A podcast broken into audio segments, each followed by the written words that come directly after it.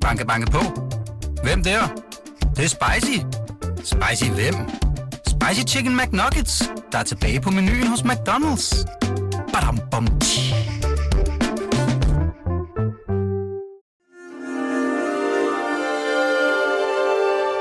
Du lytter til Weekendavisen. Her kommer det næste kapitel med Hassan Prejsler. Nicoline Verdelin. Så er jeg kommet hjem til dig i din lejlighed, eller din og din mand Ibs lejlighed på Frederiksberg. Ja. Øh, den ligger sådan øh, meget, meget tæt på Frederiksberg Have. Ja. Øh, I god afstand til ja. Frederiksberg Have. Så der kan I sikkert gå nogle øh, hyggelige ture sammen med alle de andre par, øh, kunne jeg forestille mig. Ipar har dårlige knæ, så han går ikke så gerne. Han spiller tennis og Ja. cykler, Ja. øh, men, men turen går jeg med hunden. og så spiller han Word Feud. Ja, Ja. Til, intenst. ja. Også når I sidder og spiser middag? Og, Nej, vi, vi har nogle mobilfri zoner. Okay. Ja. Så der skal han lade den ligge. Altså, vi, vi bruger ikke mobilen, når vi spiser, og vi har den heller ikke inde i soveværelset. Den, den kommer slet ikke inden for soveværelsesdøren. Nej, det burde jeg også. Øhm, det er sådan et sted, hvor vi kan læse bøger og tænke tanker, og hvor underbevidstheden kan få sin plads. Ja, okay. Øhm, men altså, du og I bor her i den her lejlighed, som er øh, meget smuk. Altså, det er sådan en øh, lejlighed, en gammel lejlighed på Frederiksberg med træpaneler og store indbyggede reoler, masser af bøger selvfølgelig, øh, en hel del arbejdsværelser. Øh, man kan ligesom se, I sidder herhjemme og gør ting, ikke? Øhm, et stort køkken med en altan ud mod en smuk gård, og så øh, en masse kunst på væggene, og øh, Nå, smukke hvor er lamper. Og, Yndigt at høre den beskrevet med dine ord. ja.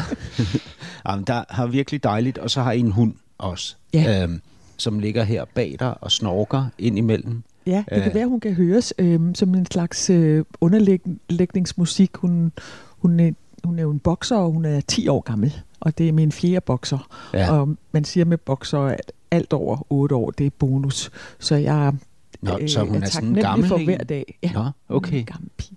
Ja. Hun er, hvis man omregner hundeår til menneskeår, så er hun ældre end mig nu. Og det kan jeg godt mærke på måden, hun ligesom går tur på, at hun synes ikke længere, at jeg skal bestemme, okay. Hvad vej vi går. Og Og- sådan, og hun går ældre- mest løs, det lærte hun i Berlin. Så ja. Hvor du boede på, øh, Ja. på et tidspunkt. Øhm, øh, og ældre end dig, det vil så sige, at hun er mere end 60. Ja, hun er, hvad der svarer til omkring 71. Okay. Og ja, jeg fyldte jo 60 her for, hvad er det? Et Ja, par det, var, år. det var den 15. september. Ja, det er rigtigt. Så det er jo øh, Jeg er ved at vende mig til det. det er ja. ikke engang to måneder siden, Nej, at du er rigtigt. fyldt 60. Og du kunne ikke holde fest. Nej, jeg holdt sådan en masse små arrangementer. Øh, et udendørs i gården, med, hvor der kom børnebørn. Nogle af Ibs børnebørn er gået på Sankt Anne og spiller musik, og så var der sådan jazz i hjørnet, og naboerne kom ind, og, og Ja. det var meget fint. Og vi kender jo en masse mennesker, øhm, som ligesom bor i gåafstand, og så var der en lille udendørs middag på Frederikshave, Ja. ja. den restaurant, der ligger bagved, for de mennesker, jeg har kendt før 1970, og Ibs bror, og, og så øhm, der kom øh, min, min bog i den 2. oktober, der holdt jeg sådan en slags kvindemiddag, øh, også med åbne vinduer og afstand og mundbind og sådan noget øh, på en restaurant inde i byen. Så jeg føler mig så gennemfejret. Ja. Som, ja, jeg har aldrig nærmest jeg næsten ikke holdt noget. Jeg er ikke sådan interesseret i store fester og sådan noget, men lige pludselig så opstod der en hel Holdt masse. du ikke fest, da du fyldte 50 og 40 Nej, og 30? nej. Da du fyldte, 30 tror jeg, jeg holdt en, en større middag. Men er det den ikke- seneste fest, du har holdt Ja. ud over din 60 års? Ja. Jeg ved, at din 40 års fødselsdag, den fejrede du alene i Hellerup Ja, eller jeg, i Tisvilde? jeg Nej. tror, det var op ved Odden, hvor jeg havde sommerhus dengang. alene i Bellevue. sommerhuset med dine hunde. Du havde Ja. to hunde dengang. Ja. Ja. ja. Jeg, jeg tror faktisk, der kom nogle venner forbi dagen inden eller dagen efter med børn. Nogle gamle venner, jeg var knyttet til. Ja. Ja. Øhm, du nævnte Berlin, og du nævnte din bog. Uh, din bog, det er den, jeg sidder med her i hånden, som netop er udkommet, eller det er en, godt en måned siden. Ikke? Ja. Den hedder Hvordan man redder en lemming, og er sådan en multiplot-roman. Jeg ved ikke, hvad hedder det på dansk? Multiplot? jeg ved ikke om, der er jo mange ting, vi ikke har danske ord for, men Ja. øh, i hvert fald, jeg tænker på den som et gruppeportræt. Ja. Øhm, og øh, så nævnte du Berlin, øh, og der har du jo boet i en del år, og jeg har mødt dig før. Ja. Øh, jeg mødte dig i Berlin, hvor jeg kom og boede i din lejlighed et par dage, øh, og det gjorde jeg, fordi min kæreste på det tidspunkt, som siden blev min kone og moren til min datter, og du havde arbejdet sammen som henholdsvis instruktør og instruktørassistent, mm. og så var I blevet gode venner. Ja. Øhm, Ja. Så jeg, jeg øh, jeg, øh, og, og Berlin er jo min barndomsby, ikke? så jeg kender Ja. byen mega godt. Men Du lige sad på, også, øh, kan jeg huske, ved sådan et, et langbord, jeg havde dernede. Vi sad og havde en rigtig god samtale, sådan et lidt lyst hjørne, hvor jeg havde en tallerkenrække. Det ved jeg ikke, om du kan huske. Jo, Men der kan jeg jeg bare huske, Ja. at du fortalte mig nogle ting om byen, som sådan hjalp mig lidt ind i det. Jeg havde ikke boet der så længe på det tidspunkt, tror jeg. Det var sådan en, en lang proces, synes jeg, at føle sig rigtig hjemme ja, i Berlin. Du kendte den meget bedre end jeg. ja, ja, det, ja, jeg har altid haft et meget tæt forhold til det. Men, men, Ja. men du flyttede jo fra Hellerup til Berlin, Ja. ikke? Da Og jeg det- var 46, da du var 46, og så, så, det er boede 14 jeg der i år 8 siden. år. og boede der i otte år. Ja. Ikke? Øh, og du flyttede, som jeg forstår det, fordi øh, det smukke, skønne, lækre Hellerup var blevet for smukt og skønt og lækkert. Mm. Ja, den kan du godt sige det. Og man kan også sige måske, altså der er jo mange, øh, sådan, i den narrativ terapi, som man foretager sig livet igennem, så er der jo mange forklaringer på ting, man gør, Ja. som, som sådan forandrer sig lidt med tiden. Og sådan som jeg egentlig tænker på det nu, Ja, øhm, så tror jeg, at det meget store arbejdspres, jeg havde i Danmark, gjorde, at jeg ikke rigtig kunne... Øhm, jeg, jeg kunne ikke selv se, hvor at jeg skulle stanse henne, øh, og at, at jeg noget i mig, den, den, min, min bevidste jeg sagde, at jeg var fuld af appetit, og jeg ville inspirere mig af de tyske scener, og der var mange tyske satiriske tegninger, og at når jeg du også siger ville... de tyske scener, så er det de tyske teaterscener, Ja. ikke? Folksbyen, Schaubyen og alle de der. Ja, og jeg tænkte, jeg ville sikkert rende ind i en mængde folk og se en mængde forestillinger og andre ligesom iscenesættelsesmåder og sådan noget. Og jeg havde også en stærk idé om, altså jeg har store lakuner af uvidenhed, fordi jeg gik ud af 9. Øhm, så det vil sige, der er så meget om, om verden, som jeg tænkte, den her mørke, mørke by, øhm, den, den vil jo lære mig om Europas historie, og, og, og så har jeg boet i USA som barn, så den jeg fornemmede hurtigt på et legalt besøg dernede. Jeg ville også møde øh, hele verden. Ja. Men det, det var der en kæmpe sult efter. Øhm, men det var så i virkeligheden, tror jeg, også en flugt fra et arbejdspres, som jeg bare ikke rigtig vidste. Og en flugt måske, jeg, jeg troede også med mit bevidste jeg, at, at jeg havde haft nogle, altså en masse danske kærester, sådan, så tænkte jeg, der er nok ikke nogen til mig her. Så jeg må ud og enten have fat i et land, hvor der kommer mange tilrejsende, eller også må jeg, må jeg finde en tysker. Hvor, Og så, Hvorfor tænkte du, at der er nok ikke nogen for mig eller til mig her? Det er fordi, jeg synes, jeg havde ligesom afprøvet øh, det segment, som jeg ligesom forestillede mig, det skulle foregå indenfor, og det var ikke rigtig faldet så heldigt ud, eller det var ikke sådan, nej, jeg synes faktisk, det var ikke engang sådan, så det var tæt på at være et godt parforhold, som så ikke helt lykkedes på grund af nogle metaltræthed eller nogle små omstændigheder, men det var virkelig, altså vådeskud. Ja. Øhm, Hvad er et godt parforhold? Når du siger, at det var ikke tæt på at være et godt parforhold. Hvad, hvad er et godt parforhold?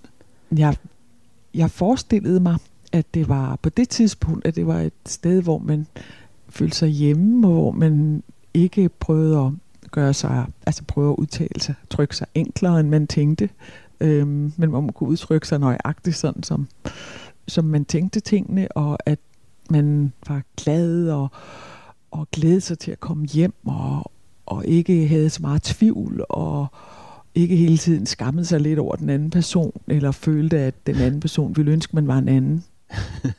Alt, alt det tænkte jeg, at, Altså sådan en gensidig skam over den andens øh, udseende, Ja, altså, jeg ved ikke. øh, Nej, jeg tror mest, at jeg har sådan skammet mig over ydre ting øh, øh, ved, ved dem, jeg kan, fordi, eller, eller ved, at jeg ikke synes, de var kloge nok. Øh, jeg synes, ja. det var flot, og ligesom, hvis, altså jeg kunne godt forstå dem, men hvis vi var ude sammen, kunne jeg være bange for. Altså nu taler vi jo om, om 30'erne, ikke? Altså da jeg var i 20'erne og 30'erne.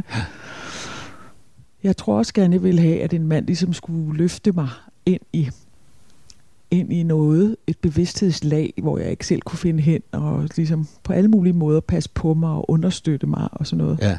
Sådan Også ting. løfte dig socialt ind i et... Øh, hvad Nej, hedder det? Det, det synes jeg godt selv, jeg havde, men at, at jeg... Altså, at vi ligesom sammen, så kunne vi rigtig stå der og også være sådan med i samfundet. Ja. Og mm, det, Ej, det, det er præcis den samme længsel, jeg har haft. Altså, det, det er, du beskriver en til en, hvordan jeg oplevede det, at, øh, at det være rigtigt? i par... Ja, Nå, i, jeg- øh, altså, i, i, i, i 20'erne og i men 30'erne. også, jeg tror ja. også, at sådan, sådan overført det er en længsel efter ligesom at komme hjem og komme på plads, altså lande i sig selv, Ja, hvor at jeg tror, at jeg ikke vidste, at det var et stykke arbejde, jeg selv skulle gøre. ja, Øhm, og jeg faktisk ikke ville kunne møde nogen anden, før jeg gjorde de lektier, der skulle til og landede selv.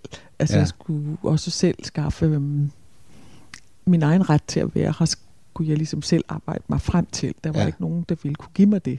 Da, da du er 30 år gammel, bliver. Ja. du skilt. Ja. Øh, har du været... Er, er du gift nu med Ib? Ja, Så- Ib og jeg blev gift for seks år siden. Så du har været gift tre gange? Kan man, Nej. nej Nej, jeg to gange. gift, og så da jeg i, var ganske ung, ja, meget kort, og så her øh, med Ib i seks år, som jeg har kendt ham i 11, og vi har været gift i seks. okay. Men du siger, at du ligesom har haft tre mænd i dit liv. Men Nej. Den, nej. Det så har jeg sagt forkert. Jeg, ja. jeg, der var den, den første mand, jeg giftede mig med, men før det havde jeg jo gjort eksperimenter, og så var der eksperimenter mellem den første mand, ja. Da vi, jeg blev skilt lige da jeg var, tror jeg, 31, ja. og så øhm, helt op til jeg var 6, øh, jeg mødte Ib, da jeg var 49. Der Ja. var der eksperimenter. Okay, Hvad hedder det ikke? Seriel monogami. jo, det gør det. Ja. Jo. Og Jeg har meget nemt ved at være monogam, fordi jeg har ikke øhm, lyst til at gå i seng med nogen, jeg ikke kender. Nej. men men din første mand, øh, da du bliver skilt fra ham, der siger du, at det var øh, at det gjorde rigtig nas efterfølgende, ikke? Fordi du, øh, eller jeg ved ikke, om det var derfor, det gjorde nas, men du havde ligesom fuldstændig overdraget dig til ham, ikke? Altså, du eksisterede ikke Nej, jeg har i hvert fald selv. ligesom tænkt, at jeg havde givet ham entreprisen for at være mig her i verden. Ja. Og, og det var sådan en... Hvad betyder det? Eller hvad, hvordan gør man det konkret? Eller hvordan gjorde du det? Jeg, um, jeg tænkte, at han skulle... Øhm, der for eksempel kan jeg huske, der var en lønforhandling, jeg skulle, hvor jeg ligesom tog ham med. Øh, Ja. det har jeg altså ellers været rigtig god til, fra jeg var helt ung.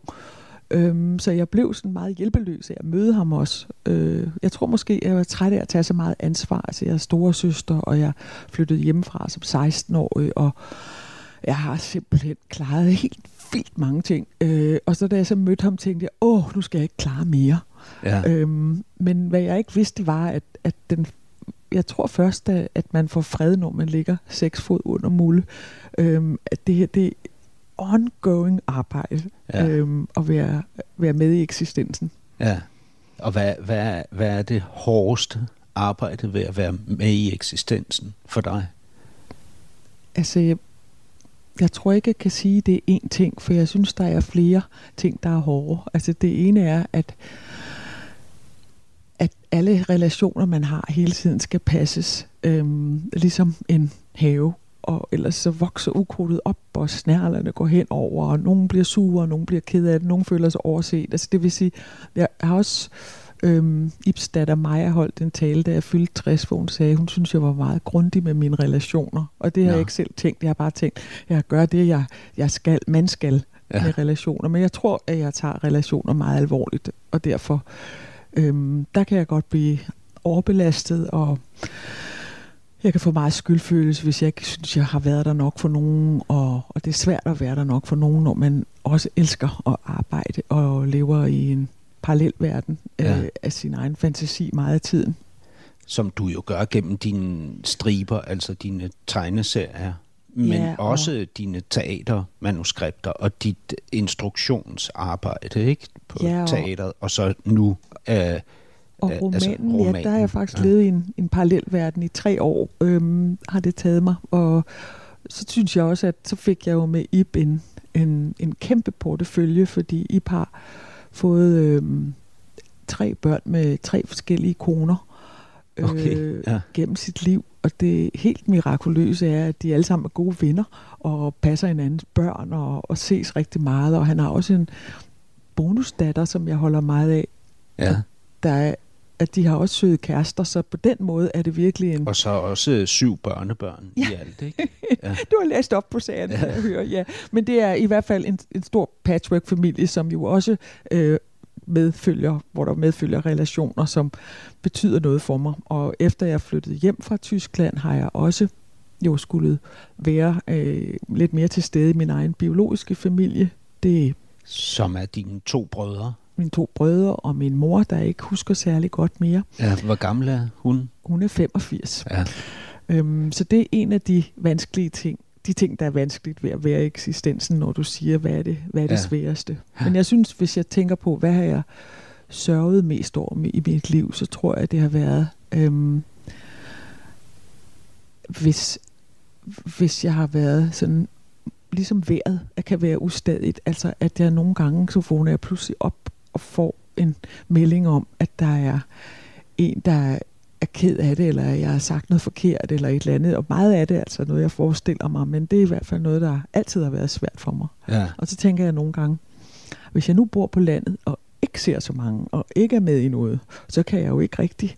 Men så, så bliver der jo lidt en problematik med fravær. Øhm, jeg, jeg har nemlig også noget, der jeg kan mærke, der kan virke lidt sårende, og det er, øh, at jeg kan være meget selvopfyldende.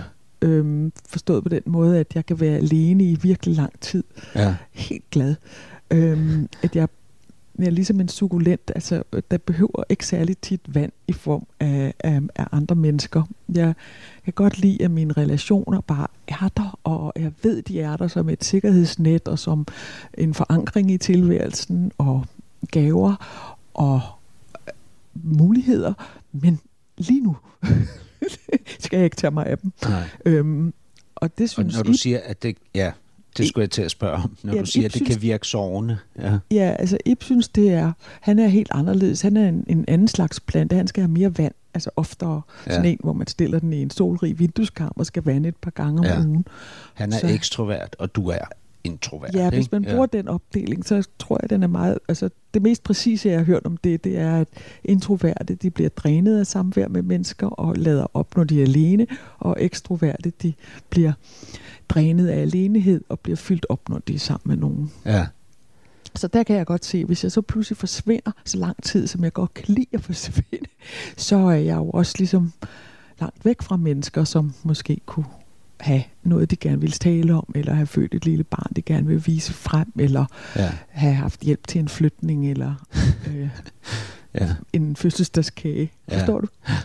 Men da du, øh, der, da du tager til Berlin, ikke, det er jo på bagkant af øh, ekstrem travlhed. Ikke? Ja. Det er jo i årene op til Berlin, at det måske går der allerbedst karrieremæssigt. Ikke? Øh, du skriver og instruerer rigtig meget, og øh, altså, har jo stor succes hele vejen rundt. Ikke? Er det ikke de år, hvor du laver otte forestillinger på syv år, tror jeg, skriver og instruerer, ikke?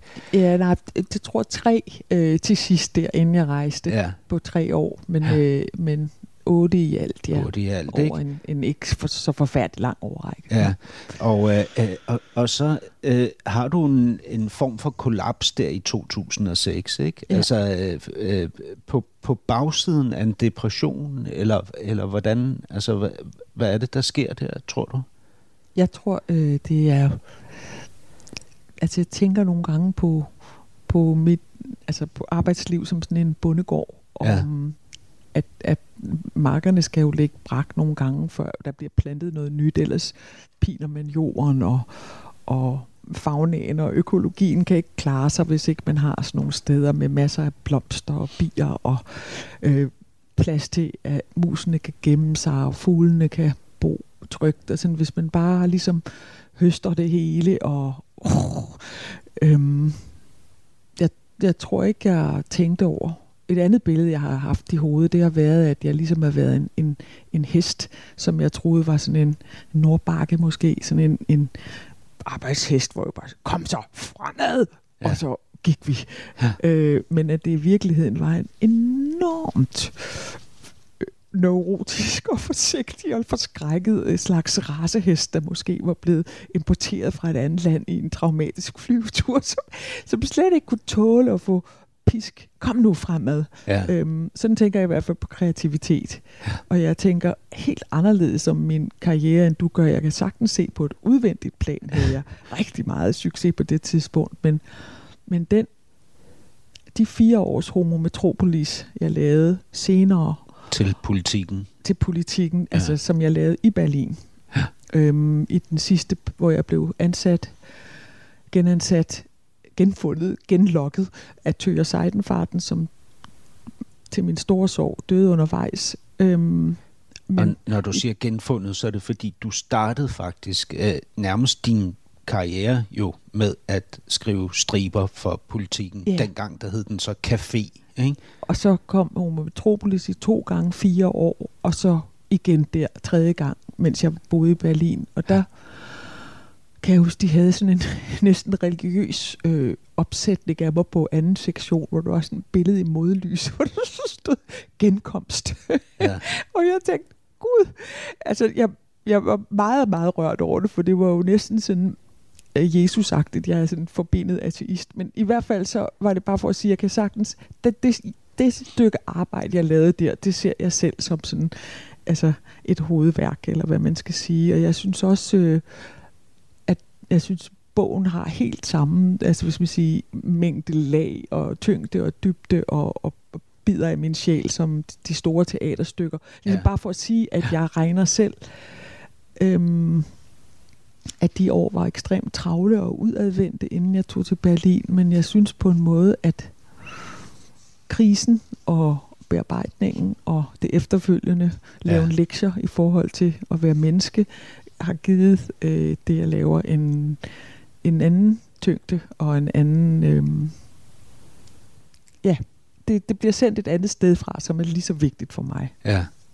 Jeg, jeg tror faktisk, altså det var jo... Jeg kan ikke huske, hvornår. Det er, det er vel lige der i 2006, at jeg så møder dig i, i Berlin, vil jeg tro. Altså ja, det må syv, det jo være, måske, ikke? Eller syv. Øh, jeg ja. husker, at jeg var at jeg havde det godt, da du kom. Ja. Øh, så det har ikke været det første år, for det havde jeg det virkelig ikke godt. Nej. Nej, det, jeg må have været i syv eller otte måske. I otte, der er der jo så sket noget nyt, fordi i syv dør din far ja. i 2007. Ja. Din far, som du jo er, er du kalder ham jo din sjælemage. Hvorfor din sjælemage?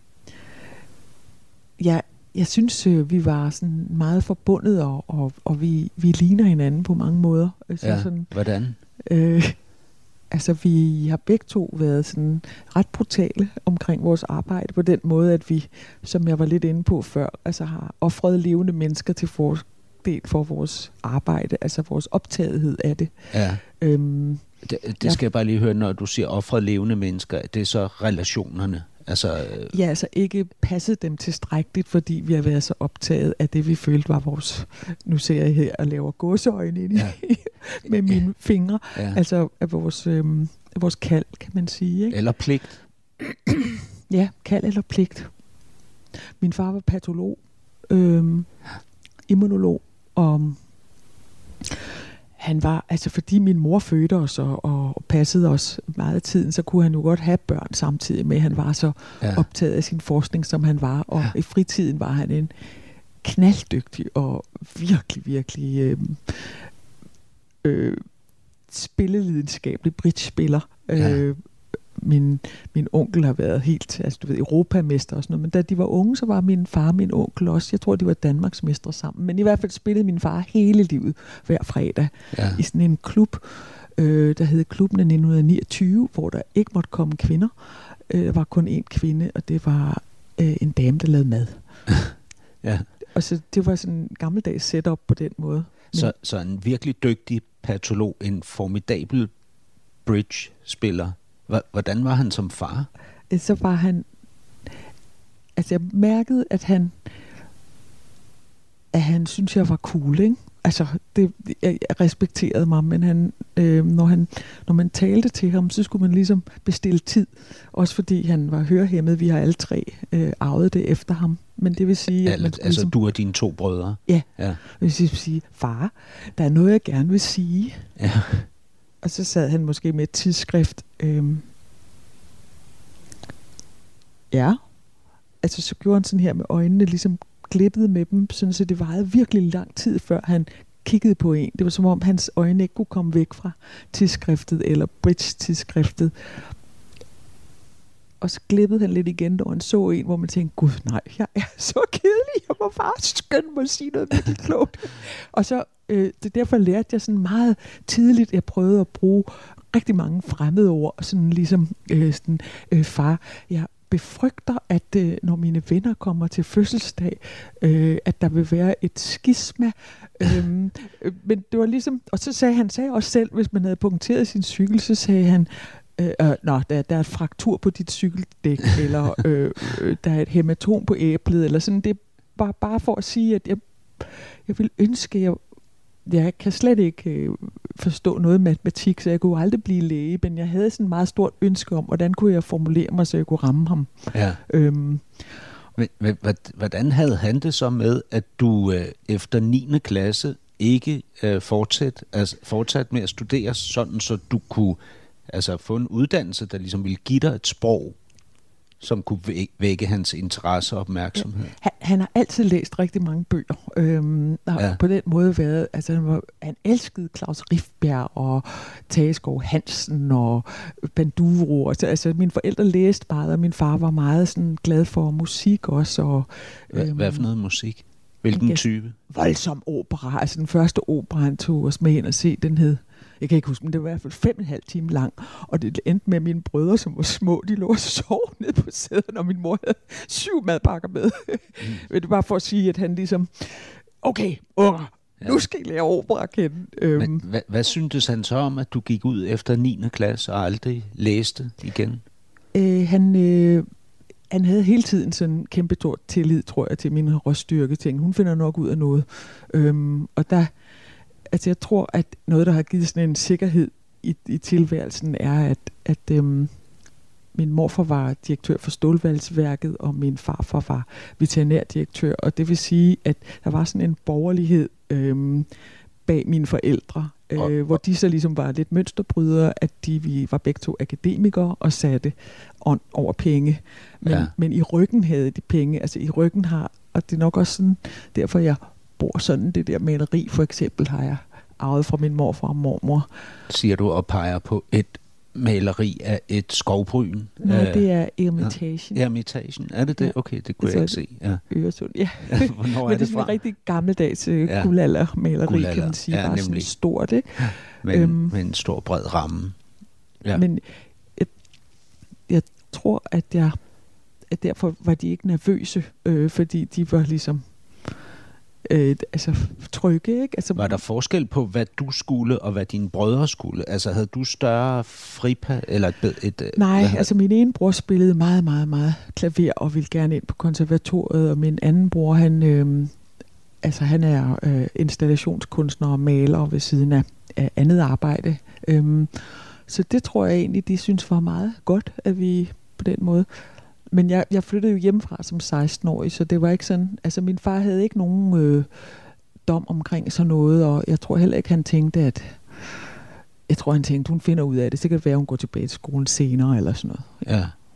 Øhm, du voksede op i Torbæk og i Bagsvær, og siden i USA, hvor I var i tre år. Ja. Og så øh, boede du med dine forældre, til du var 16. Det, det var da ret tidligt at flytte hjemmefra, var det ja, ikke det? Ja. Hvor, hvorfor, øh, hvorfor gjorde du det? Jeg havde ikke, øh, jeg havde ikke fred med min mor på nogen måde. Øh, og ja, man kunne ikke hente hjælp på sin far, fordi han var jo fordybet i de her tidsskrifter. Øh, Hvad betyder det, at du ikke havde fred med din mor? Altså, der var en slags jeg var meget, meget, meget, meget artig og meget, meget, meget, meget pligtopfyldende til jeg fyldte 14, tror jeg. Øhm, og tror jeg den rigtige engagerede store søster for mine to brødre, lillebrødre, og også en, en tro proselyt til min mor, altså hendes højre hånd i et og alt, og jeg får forgudede hende. Øhm, men jeg, Hvorfor? For hvad forgudede du hende? jeg synes, hun var så klog og så sindssygt smuk. Ja. Øhm, og jeg ville, jeg kan huske, at jeg brugte hendes tandbørste og sådan noget, altså om, om aftenen, når jeg selv skulle børste tænder, fordi åh, hvis man kunne blive som hende. Men da jeg så ligesom var omkring de 14, så opdagede jeg, at, øhm, at hun havde nogle sider, jeg ikke brød mig om, og at hun på en eller anden måde, synes jeg, styrede familien på nogle måder, som jeg ikke var enig i, og at jeg, Men kunne du observere det? Altså, som du gør nu? ja, Det kunne du godt se? ja, Ja. Øh, det var måske ikke så klart formuleret, men i hvert fald så startede jeg et typisk teenageoprør, og det, det havde hun ikke øh, ligesom plads til. Jeg tror, at hun var for skuffet over at hendes lille Nicoline. Pludselig blev sådan, øh, jeg har et kæmpe temperament, og jeg begyndte at folde mine kræfter ud og øh, sige nej til ting, jeg før havde sagt ja til, og ja. tror jeg blev Har, har, har du stadig et kæmpe temperament? Ja. Har du det? Ja. Gud, det er sjovt. Jeg kan, jeg kan lige pludselig kunne jeg se det. Ja. Uh, jeg har jo kun set dig smile. Ja. Ja. Jeg har Ej, en vildt. helt forfærdelig øh, rocker indeni. Måske i virkeligheden en helt rockerbande. Øhm, og det, jeg kan huske flere gange, da jeg boede i Indre By, altså hvis der var nogen, der skubbede til mig om aftenen, Ja. altså, lige ved at, en gang at få en øh, knytnæve lige i ansigtet af en stor fyr, Ja. fordi jeg snurrede omkring og, og sagde så grimt. Ja. Altså jeg kan ikke huske, hvad jeg sagde, men jeg kan tale som...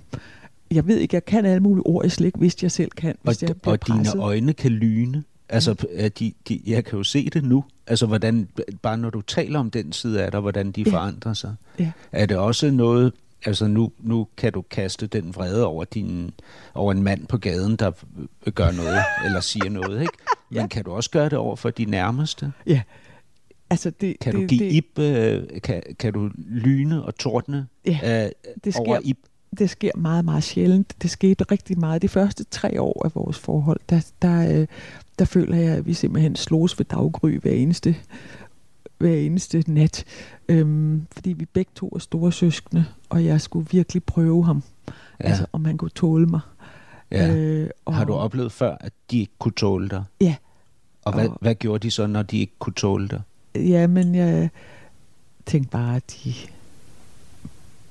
blev jammerlige, eller lukkede sig ind i sig selv, eller forsvandt. Forsvandt. Øh, altså, jeg forsvandt ikke sådan, altså ud af forholdet, men bare ligesom forsvandt øh, øh, i, i nærværet. Ja. Øhm, men, men efter at det ligesom var afprøvet, eller hvad man skal sige, og at, at jeg mærkede også Ibs urkræfter, og så kom der fred, som, som, som er helt mærkelig, men som er helt fredelig.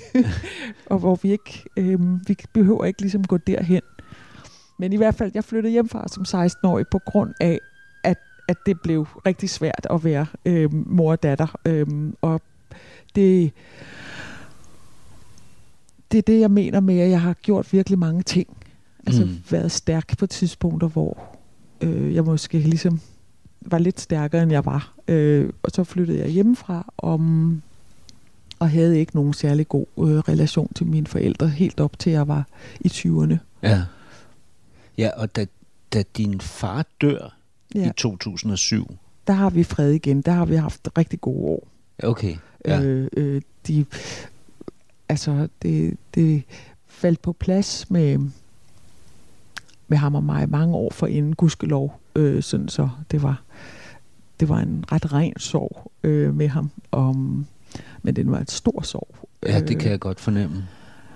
også måske over, altså at de år, hvor vi ikke kommunikerede godt, ikke? Altså, hvor man tænker, nej, hvorfor, hvorfor, hvorfor var vi ikke mere sulten på alle de minutter og al den kontakt? Og jeg kan bare mærke de senere år, da det hele var faldet på plads, der dannede han jo en ny familie. Når jeg så kom op ad trappen på øh, Rosen på gade, hvor han boede. Så ligesom så den der måde, han bare stod og beamede sin kærlighed ned over mig. Nå, og jeg gjorde kom han op, det? og så sådan, ja, Nå, og så den store bjørnearm og sådan noget. Altså, var han en stor mand? ja, Ja. ja. meget imposant og meget ekstremt karismatisk. Øhm, Ja. og, og så var han så sjov. Øh, og, og hvis jeg har humor, hvad der er flere, der siger, så har jeg det altså fra ham. Altså, det var, han lagde ligesom et level. Altså, og, og, og så, han gav mig en gang en bog, der var så tyk her, jeg tror, den er på 871 sider, der hedder Hvilken kamp for at undslippe. Øhm, skrevet af en anden immunolog og Niels Karriere, om Niels Karriere. Øh, og det er bare for at sige, altså du ved, han tænkte, det kan man da sagtens læse. ja. Det kunne jeg også. Ja, nu nævnte du lige, at han, at han giftede sig igen. Det Ja. gjorde han jo. Han mødte jo en øhm, vietnamesisk kvinde Ja. og fik to børn med Ja. hende. Og han møder hende faktisk, da han er 68. Eller også får han sit første barn, da han er 68. Han er i hvert fald... Ja, han fik et kul nummer to med, med Minta, som hun hedder. Ja. Øhm, hvor meget tid har vi tilbage? Vi har et kvarter. Nå, okay. Hvorfor? Det var bare sådan, fordi jeg tænkte, hvis det kun var et minut, Nå, så ville det være øh, dumt at fortælle den historie. Men det var jo en rigtig stor ting, at jeg blev ringet op som et par 40-årige af min far. Bare, øh, dog, Nico, øh, jeg vil bare lige sige, at jeg i næste uge drager til Vietnam. Øh, øh, Gud, sagde jeg, Vietnam? Ja, øh, øh, og det gør jeg med henblik på at indgå ægteskab med en ung dame født i 1979. Nå, okay, jamen god tur. Og så kom jeg tilbage et par måneder efter, og sådan, ja, Line, øh, jeg øh, lander i Kastrup, og øh, kan du ikke komme derud med en muffedisse og nogle støvler, fordi hun har jo badesandaler på. og så, øhm, så, så skal man ligesom også sådan slå nogle døre ned ind i hjertet og, og mærke, at nu er der noget ved min familiehistorie, der forandrer sig. er fuldstændig, ikke? Øh, Så kommer han hjem med hende. Hun Ja. er 26 på det tidspunkt. Ja. Jeg, jeg tog ikke ud med nogen muffedisse. Det måtte han selv finde ud af. Øhm, Ja. ja. Og der var jeg også blevet i stand til ligesom at sige ja og nej til mine forældre på en fornuftig måde. Der var jeg jo i 40'erne. Ja. Øhm, øh, altså hvis man lige kan sige om dem samlet, vil jeg bare sige, at det er begge to meget, meget stærke mennesker. Øh, jeg, har, jeg har venner, der for eksempel, jeg har haft til bords, som nogle gange har sagt, øh, ja, øh, jeg er jo læge. Øh, er din far Ole Verdelin? Og jeg sagde, det er han. Gud, jeg kan simpelthen ikke forstå, man tør have ham til far. Øh, sådan, Forstod du, hvad de mente, når de ja, sagde ja, det? Ja, Ja. Men, Hvad men, mente de? øh, De mente, at, at han, var, at han kunne være hans kraft. Ja. Øhm, og hans karisma, der har han også været sensor jo på lægestudiet. Og så, men så siger folk også, at han var enormt kærlig. Altså han ville gøre alt for at få en, en god elev igennem, hvis de bare var nervøse. Ja. Øhm, og andre for eksempel, øhm, nogle veninder, der er kommet ind i mit liv, øh, øh, mens jeg var i 20'erne eller 30'erne, de sagde det samme om min mor. Gud, jeg kan simpelthen mærke, at jeg er bange for din mor.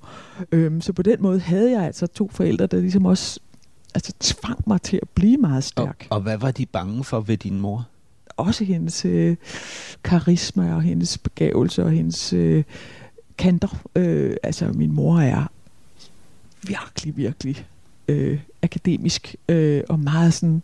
Man kunne nok sige noget som den generation af kvinder, der jo var de første, der havde fuldtidsarbejde ved siden af alt muligt og sådan.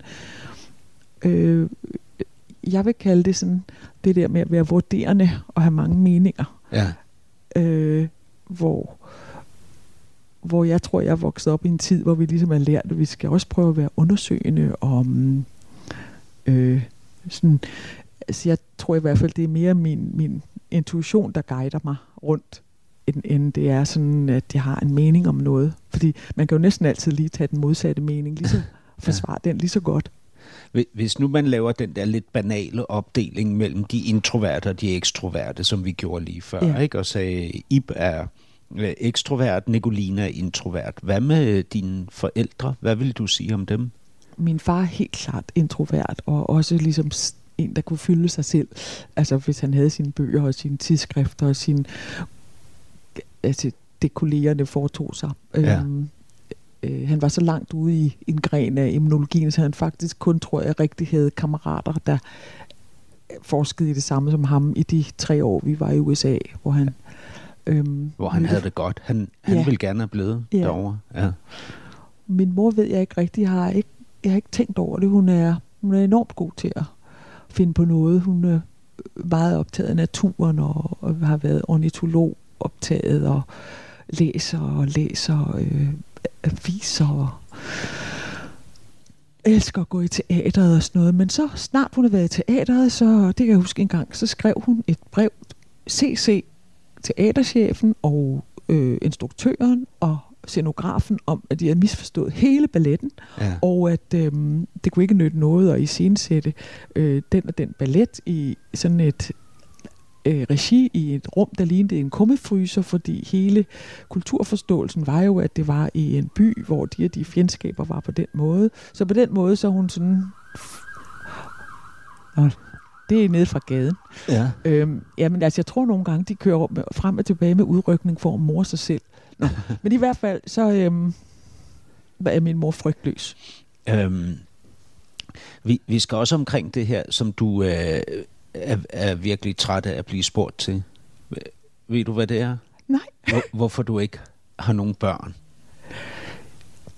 Ja. Er, er jeg træt af det? Ja, det har du i hvert fald sagt i forskellige ja. interviews, at gud, hvor er det belastende at blive spurgt om det gang på gang. Men det er jo sådan en ting i, hvad hedder det? Jeg synes i et, et interview som det her, hvor du ligesom har, har forberedt en på, altså ved at gå rundt i en meget flot video uden tøj, Øhm, ja, at tænker nu taler man, du om traileren eller teaseren ja, til det her program. Ja, ja. og også, øh, altså det var også derfor, jeg sagde til dine opliner, at der var blevet begået et mor her i lejligheden, så ja. bare komme. Ja, du øhm, sagde faktisk til Peter, hils Hassan og sig, at væggene her kan tåle meget. Der er endda sket et mor i vores lejlighed, og huset står endnu. Ja. ja. Men, men det er jo også, det, det, det her, det handler ikke om din lejlighed, det ved du godt. Det, så du siger jo det her, fordi du ved om dig selv, at du enten, at du er robust, altså at dine vægge kan tåle meget, eller at det er svært at komme ind. Nej, jeg, jeg prøver at sige til dig, at jeg tror godt, jeg kan tåle dig. Ja. Og jeg prøver også at sige til dig, at jeg kan godt lide intensitet. Ja. Øhm, så i den type samtale, synes jeg, at det er rart at blive spurgt om, at jeg ikke har børn. Ja, okay. Men du har ikke børn. Nej. Og du har sagt, at med de, og det var derfor, jeg sagde det med tre mænd. Men du sagde i et eller andet interview på et eller andet tidspunkt, har du sagt, øh, jeg har haft tre mænd, med hvem jeg kunne have fået børn, men det fik jeg ikke af forskellige årsager. Ja. Øhm, ja. Så, så, øh, jeg kunne jo aldrig have fået børn med Ip, fordi der var jeg blevet for gammel. Der var jeg 46, 47. Ja. Ja. 49, da jeg mødte ham. Ja, jeg rodede rundt. Ja. Men, men hvorfor har du ikke fået børn? Fordi jeg tror ikke, at jeg... Altså sådan som jeg forstår det nu her i dag fra min 60-årige platform, ja. så tror jeg, at jeg intuitivt vidste, at for min mental hygiejne ville det være rigtig godt at arbejde meget. Og at jeg ville ikke kunne gennemføre det, jeg havde var i gang med, hvis jeg skulle være alene med et barn. Nej, alt det arbejde, altså det høje ambitionsniveau, vil du ikke have kunnet gennemføre. Men også den forståelse af verden, jeg har virkelig meget brug for at oversætte den og øh, være sammen med svære ting og fortælle historier. Altså jeg, når folk siger, åh, er det ikke svært at finde på, sådan, jeg føler, at det myldrer rundt hele tiden med ting, som jeg gerne vil fortælle og, og skæbner, der vil have flækket sig sammen herinde, som vil ud på forskellige måder. Og ja. sådan har jeg haft det næsten, fra jeg var barn. Ja. Øhm, eller måske især fra jeg var barn. Og så tror jeg bare, jeg tænkte, hvis jeg skal, hvis jeg skal um, fortælle alle de ting, og hvis jeg skal være alenemor, måske jeg ikke er stærk nok til at være alenemor, altså stærk nok psykisk til ja. at være en god alenemor. Og, og hvorfor skulle du være alenemor? Fordi jeg ikke mødte nogen, som jeg kunne mærke, at, at han ville være øh, rar at være sammen med i det her. Altså en, som kunne tage det ansvar, og måske også ligesom være den for barnet, som de ja. steder, hvor jeg følte mig selv utilstrækkelig.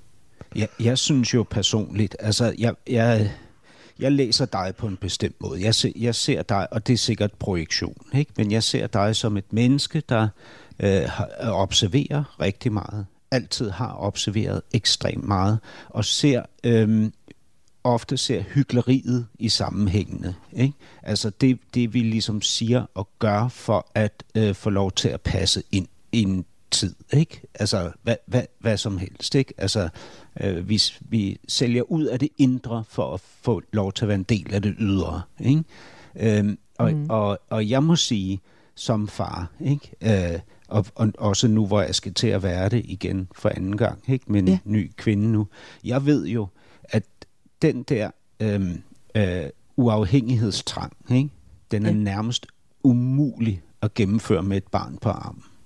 Ja. Det bliver alt for øh, frygtsomt. Ikke? Ja. Altså det er alt, alt for skræmmende, synes jeg. Så, ja. så man falder til patten. Ja. Socialt. Ja. ja. altså, øh, men, men også... Og så går man til babysvømning og, og ligger der i et, i, et stort, i, et, i et forvokset badekar med nogle andre mænd, der opfører sig lige så tåbeligt, som man selv gør. Ikke? Og man, man får venner, som man er nødt til at fastholde, fordi børnene leger godt sammen, selvom man synes, de er latterlige. Mm. Ikke? Mm. Ja. Altså, jeg, der var også det, at, at jeg tror altid, jeg har tænkt på, børn er... Altså, jeg er meget, meget glad for børn, og har været ekstremt knyttet til heldigvis nogle, nogle venners børn og, og sådan noget hele vejen igennem. Men, men nogle gange har jeg så meget empati, som jeg synes er rigtig velanbragt nede i mine figurer, eller i min, altså min tegneserede figurer, eller mine teaterkarakterer, eller nede i bogen, men, men det er faktisk også sådan lidt svært at gå rundt med, fordi jeg kan stå for eksempel med en tøjsnor op på landet og, og hænge op, og så hvis jeg hænger tre hvide sokker op, og der så ligger en hvid sok længere nede, så har jeg hængt nogle håndklæder op, og så tænker jeg, at de er venner, og så den lille sok der, den bliver nødt til at hænge inde sammen med de tre andre, for ellers bliver den ked af det, hvis den hænger for sig selv. Ja. Og det er jo altså fuldstændig åndssvagt. Og så har jeg også nogle, jeg har nogle altså virkelig dyre, men gode sådan nogle metalklemmer, der ikke kan ruste. Så sætter jeg, så jeg hænger mit vasketøj op i farveorden, og så det også passer til hinanden, og så det passer med klemmerne. Øhm, og det er også fordi, at ellers tror jeg sådan, at klemmen og håndklædet bliver uvenner, og de skal jo hænge derude rigtig lang tid. Men, men det er selvfølgelig lidt absurd, men det er sådan noget, jeg tror, man bare skal slippe løs i sig selv, når man er en, der skal fortælle historier, fordi jo mere, altså, øh, at man ligesom åbner sig for multiple personligheder og for at modtage energier, jo, jo bedre tror jeg, man kan fungere som en god hovedbanegård og fortælle. Men, ja. men i hvert fald at have det sådan, at være og så få et barn, så, så det har jeg tænkt, at det ville være meget, meget voldsomt for mig at blive et fuldtidsjob, hvis hvad, jeg var og, alene om det. Og hvad med barnet? Hvad, hvad tænker du, det ville gøre ved barnet? Det ville, at have dig som mor? Jeg tror dengang, jeg tænkte, at det ville være... Jeg tror, jeg tror, jeg egentlig tænkte, at det ville nok være helt okay for barnet, hvis jeg, hvis jeg gjorde det helt. Men hvis jeg ikke kunne gøre det helt, så og, ville jeg være Og det var for, du bekymret for, om du ja, ville kunne? og så ville jeg bare være nervøs for, hvordan det havde det hele tiden. Ja.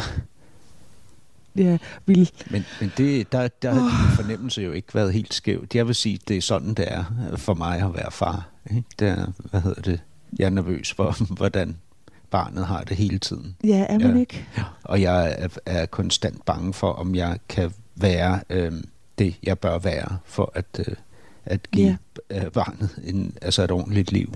Og der kan det være også, hvis man ligesom ikke føler, at man er helt landet i, i sin identitet, i de der... Øh, hvad skal man sige, fødedygtige år ja. øh, som, som kvinde, at ja. man kan tænke, at hvis jeg ikke ligesom er helt i vatter, øh, jeg synes først, jeg kommer i vatter efter den fødedygtige periode. Er, er det, da altså, du er oppe i 50'erne? Øh, I, i, I slutningen af 40'erne, ja, der ja. synes jeg, det begyndte at, at være sådan, at jeg hvilede så meget i mig selv, så at det var ligesom der, jeg psykisk ville have kunne påtage mig det. Ja. Men der er det jo biologisk for sent, og også altså, alt for sent, fordi der sker noget skønt, når man lukker nogle døre. Jeg kan huske på det tidspunkt omkring de 40, jeg ligesom besluttede, nu vil jeg ikke længes efter det mere, jeg vil ikke prøve det mere øh, så, så sådan lykkedes det mig ligesom at slå nogle dobbeltdøre i hjertet op ja. mod de børn, der var i mit liv allerede. Ja. Og, de flyttede ind, og de har sagt nogle gange, ej, altså Nico, det er virkelig godt, du ikke har dine egne børn, for så vil du jo slet ikke være sådan over for os, som du er.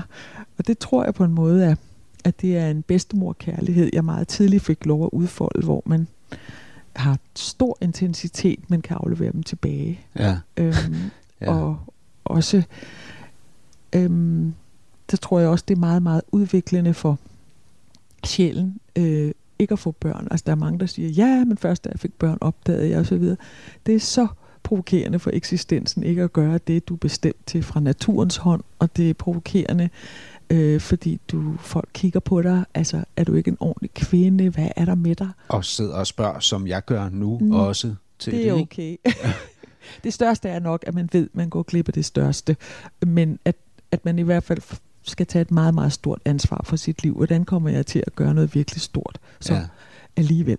Men det er jo, jeg, jeg tænker på sådan en ting, nu havde jeg i sidste sæson, der havde jeg Line Knudsen som gæst, ikke? og hun er jo også fra teatret, ligesom du ja. er, og jeg er. Ikke?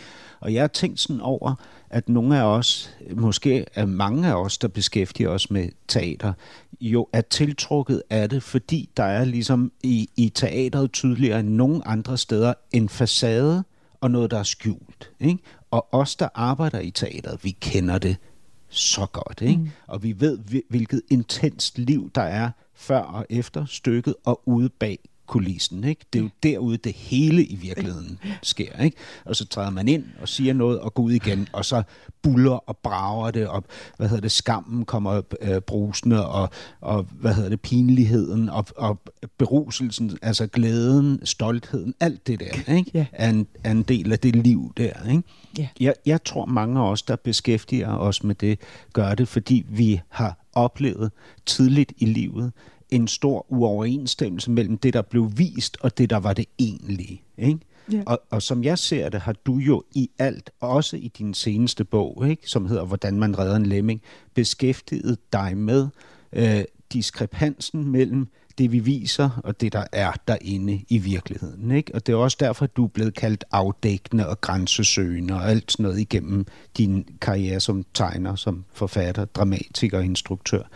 Øhm, din seneste bog handler for mig også om det.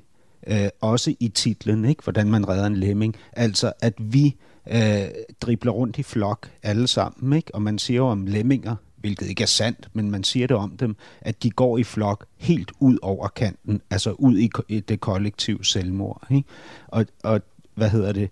Der er, der er jo noget andet, altså noget, øh, hvad hedder det? Der er jo en anden virkelighed end den, vi viser, ikke? Som, som vi er voldsomt optaget af, du og jeg.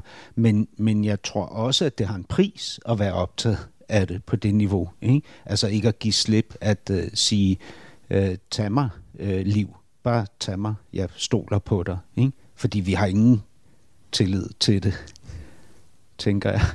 Men nu er tiden gået med den her svada. Det var skønt. Det var godt, du tog over. Det kan være, at den kan blive, uh, hvad hedder det? Vi skal tales ved igen. startskuddet til anden time af det næste ja. kapitel, hvor du kommer ind og besøger mig. Men øhm, tak fordi jeg måtte komme her hos dig. Nicoline Værtelin, i din lejlighed på Frederiksberg. Vi ses igen. Ja, på gensyn.